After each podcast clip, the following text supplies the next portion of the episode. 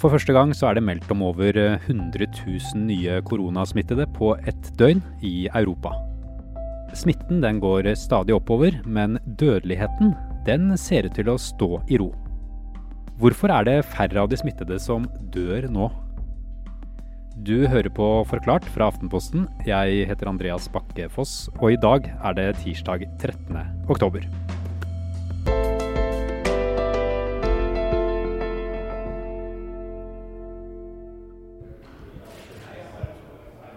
Fredag så tok jeg med meg pressekortet mitt til Kongens gate i Oslo.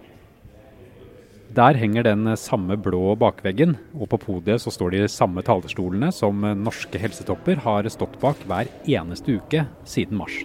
Da ønsker jeg velkommen til dagens pressekonferanse om koronasituasjonen. Og fredag så var det direktør i Folkehelseinstituttet, Camilla Stoltenberg, Tusen takk. helseminister Bent Høie fra Høyre Tusen takk eh, for og direktør i Helsedirektoratet, Bjørn Gullvåg, som sto der. Tusen takk. Rett før pressekonferansen startet, så hadde Folkehelseinstituttet publisert sin nye vurdering av risikoen for oppblussing av koronasmitte de neste ukene. En risikovurdering, det er nummer 13 i rekken siden januar, da vi begynte å gjøre dette. Og i den rapporten så var det spesielt ett tall som flere hang seg opp i. I rapporten så anslår FHI at dødeligheten blant dem som smittes med covid-19 i Norge nå, er på 0,31% Hvor var du, sa du kom fra? Aftenposten. Ja, ja forklart, ja. Det jeg fant ut, er at det er eh, i hovedsak fire grunner til at smitten går opp, mens dødeligheten går ned. Den første er hvem som blir smittet nå. Nei, Fremdeles så er det jo forholdsvis unge personer som blir smittet. Eh, Men det vi ikke har god nok oversikt over og ikke har gode nok analyser av, det er hvem er det vi tester. At vi vet jo ikke om noen er smittet hvis vi ikke tester dem. Men alt tyder på at vi har et ganske godt bilde av hvordan smitten er spredd i befolkningen. Og da er det unge voksne som nå er de som er smittet i hovedsak og er overrepresentert blant de smittede. Og hun tror det er flere grunner til at eh, det er sånn. Det er jo sannsynlig at det skyldes at eh, det er de yngre som i noe større grad ikke eh, overholder smittevernreglene, eller er, i, er mer sosiale. Eh, Det trenger ikke være fordi de har brutt regler heller, det kan rett og slett være fordi de eh, skal gjøre og gjør ting som gjør at de er mer sosiale og dermed møter flere mennesker og utsettes for mer risiko for smitte. I tillegg så er det naturlig å tenke seg at det er litt lettere å, å ta noen sjanser, eller å ikke helt forestille seg konsekvensen av hva man gjør når man har såpass liten risiko for å bli alvorlig syk og dø som den gruppen har. Ok, så det er flere unge som blir smitta. Per Anders Johansen, du er jo en av de journalistene i Norge som har jobbet mest med smitte og tiltak eh, her i landet. Hvor mye har alderen på de smittede å si, egentlig? Alder har nesten alt å si når vi ser på hvilket forløp viruset får. Eh, Hvis vi ser på f.eks. risikoen for å bli så syk at du må ha sykehusbehandling, så anslår jo FHI at eh, nesten hver fjerde 80-åring vil trenge sykehusbehandling. Man har justert tallet litt ned, men det er fortsatt veldig høyt. Og ser vi på risikoen for å dø, så er den jo 220 ganger høyere for personer over eh, 75 år enn for en 20-åring, hvis vi eh, stoler på tall fra amerikanske smittemyndigheter. Så kort fortalt, eh, selv om smitten har økt betydelig i eh, Norge og Oslo etter sommeren, så viser jo smittetallene at vi har klart å beskytte de eldre. Det er bare to eldre over 80 år som har blitt smittet eh, de siste ukene i Oslo, og det er av lag eh, 300. Og den siste måneden er det jo bare 16 over 80 år som har blitt smittet, så vi har klart å beskytte de eldre. En annen grunn til at dødeligheten går ned, eh, ifølge Stoltenberg, er at sykehusene og resten av helsetjenesten håndterer sykdommen bedre nå enn for et halvt år siden. Absolutt. Helsetjenesten fungerer bedre, og behandlingen er også bedre.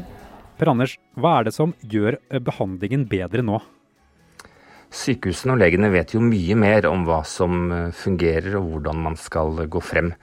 Man har prøvd ut mange forskjellige typer medisiner, medisiner som vi hadde fra før. Og eh, i tillegg så er jo eh, helsevesenet mindre belastet enn man var. Men dessuten så fører jo tidlig testing til at flere blir oppdaget, og kanskje raskere enn før. Og ja, alle kunne jo se med egne øyne hvilken effekt denne cocktailen med stoff, antistoffer som Trump fikk, hadde på den gamle presidenten. Så det er klart at legene har blitt flinkere, og man har sett hva man gjorde galt. Men eh, yngre smittede og bedre behandling, det er eh, ikke hele forklaringen.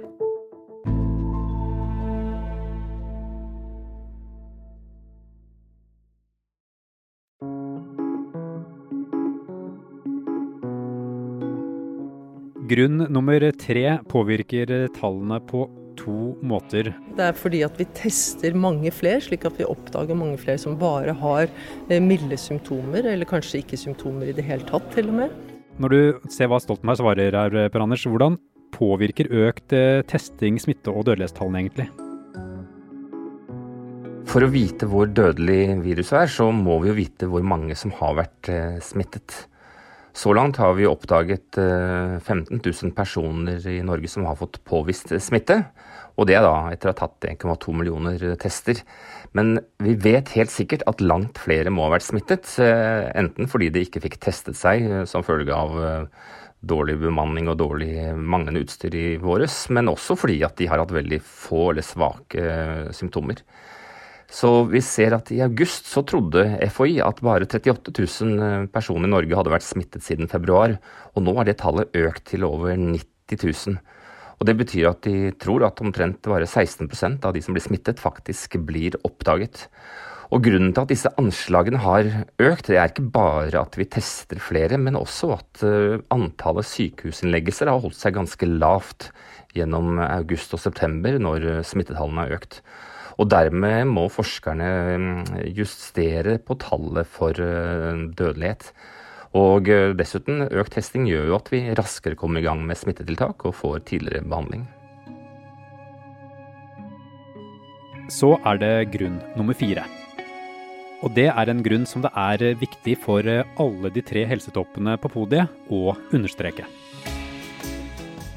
Så den dødeligheten vi har i Norge, den er et resultat av smitteverntiltakene av behandlingen og av hele organiseringen av helsesystemet med folkehelsetiltak i den ene enden og eh, intensivbehandling og behandling i sykehjem og i kommuner i den andre enden.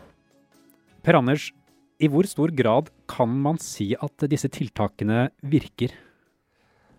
Når vi ser at smitten blant de eldre i, i Oslo og Norge er så lav som den er, sammenlignet med de ellers økende smittetallene, så betyr jo det at det er noe vi gjør i Norge som er veldig eh, riktig.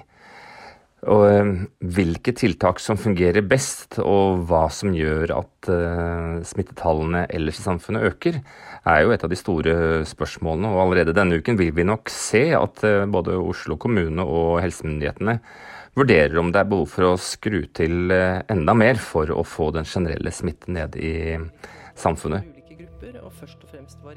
Det var flere enn meg som var opptatt av dødelighet på den pressekonferansen. Blant andre denne journalisten fra nyhetsbyrået MTB. Vi har 275 døde i Norge til nå. Eh, I en normal influensasesong så sies det at vi får rundt 900 dødsfall. Når vi ser en dødelighet på 0,31 det antar jeg da er for over hele perioden som helhet. Vi vet samtidig at behandlingsmetodene er mye bedre i dag enn de var i mars.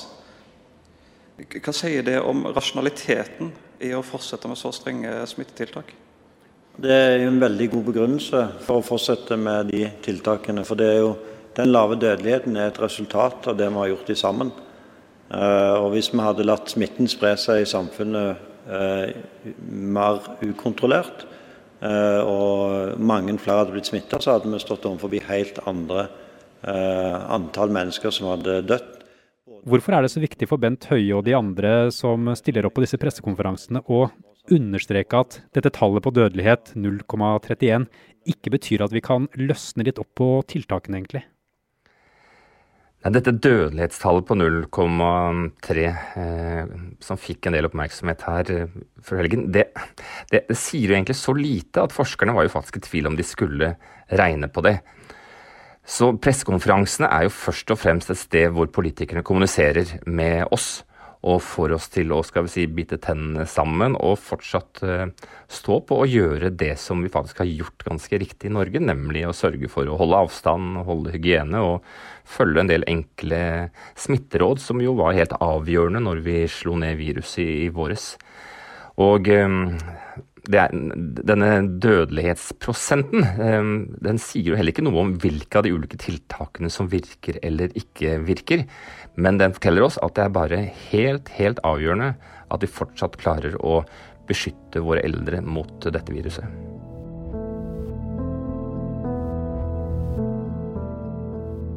Og helsedirektør Bjørn Gullvåg mener også, kanskje ikke så veldig overraskende, at strenge tiltak er grunnen til den lave dødeligheten. Jeg tror ikke vi skal være lei oss for at vi har foreløpig færre døde enn vi har i en influensasesong. Det er som eh, statsråden sier, eh, konsekvenser av eh, veldig effektive tiltak. Det foreløpige estimatet fra forskerne ved Imperial College da de gjorde opp en status i juni, var at man kan ha unngått i størrelsesorden 12 000 dødsfall i Norge. Hvorvidt det står seg over tid, det vet vi ikke. Men det sier likevel noe om størrelsesorden og eh, noe om eh, hvor dramatisk eh, denne pandemien kunne ha vært i veldig mange land hvis vi ikke hadde hatt så omfattende tiltak som vi har iverksatt. Når dødeligheten er lav, så kan man jo også spørre seg om viruset i seg selv er blitt mindre farlig. Og jeg må innrømme at også jeg, selv om jeg kan lite om virus, har lurt på om det kan være sånn at det er blitt mildere enn det var i mars. Så vidt jeg vet så er det ikke noe holdepunkter for det foreløpig, og, og, det kan skje. Eh, akkurat som det kan skje at det blir farligere, eh, men eh, det er ikke kjent. Forskerne de bruker enormt mye krefter nå på å studere viruset i minste detalj, og hvordan det forandrer seg hver gang det bygger seg opp i et nytt menneske. Og det som er helt klart, er at det er ingen tegn for at viruset har blitt mindre farlig for mennesker. Det har man ikke klart å se. Eh, og eh, ja, det er én teori som er diskutert, nemlig at viruset kanskje i starten eh, fulgte en tråd som var litt mer smittsomt. Men det er altså ingenting som tyder på at viruset har blitt mindre farlig. Sykehustallene i Norge er justert noe ned, så det er litt færre 80-åringer f.eks. som man anslår må på sykehus. Men fortsatt så er risikoen høy.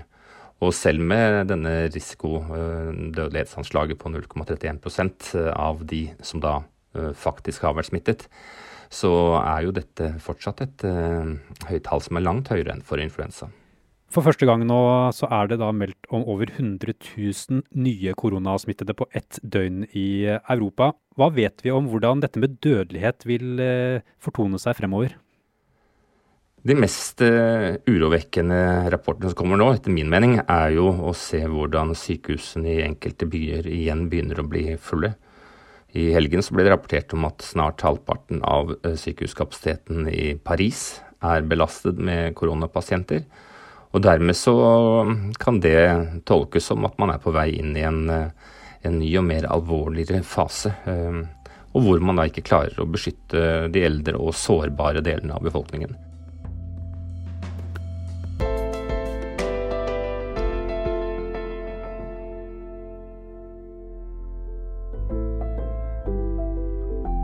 Denne episoden er laget av produsent Anne Lindholm og meg, Andreas Bakke Foss.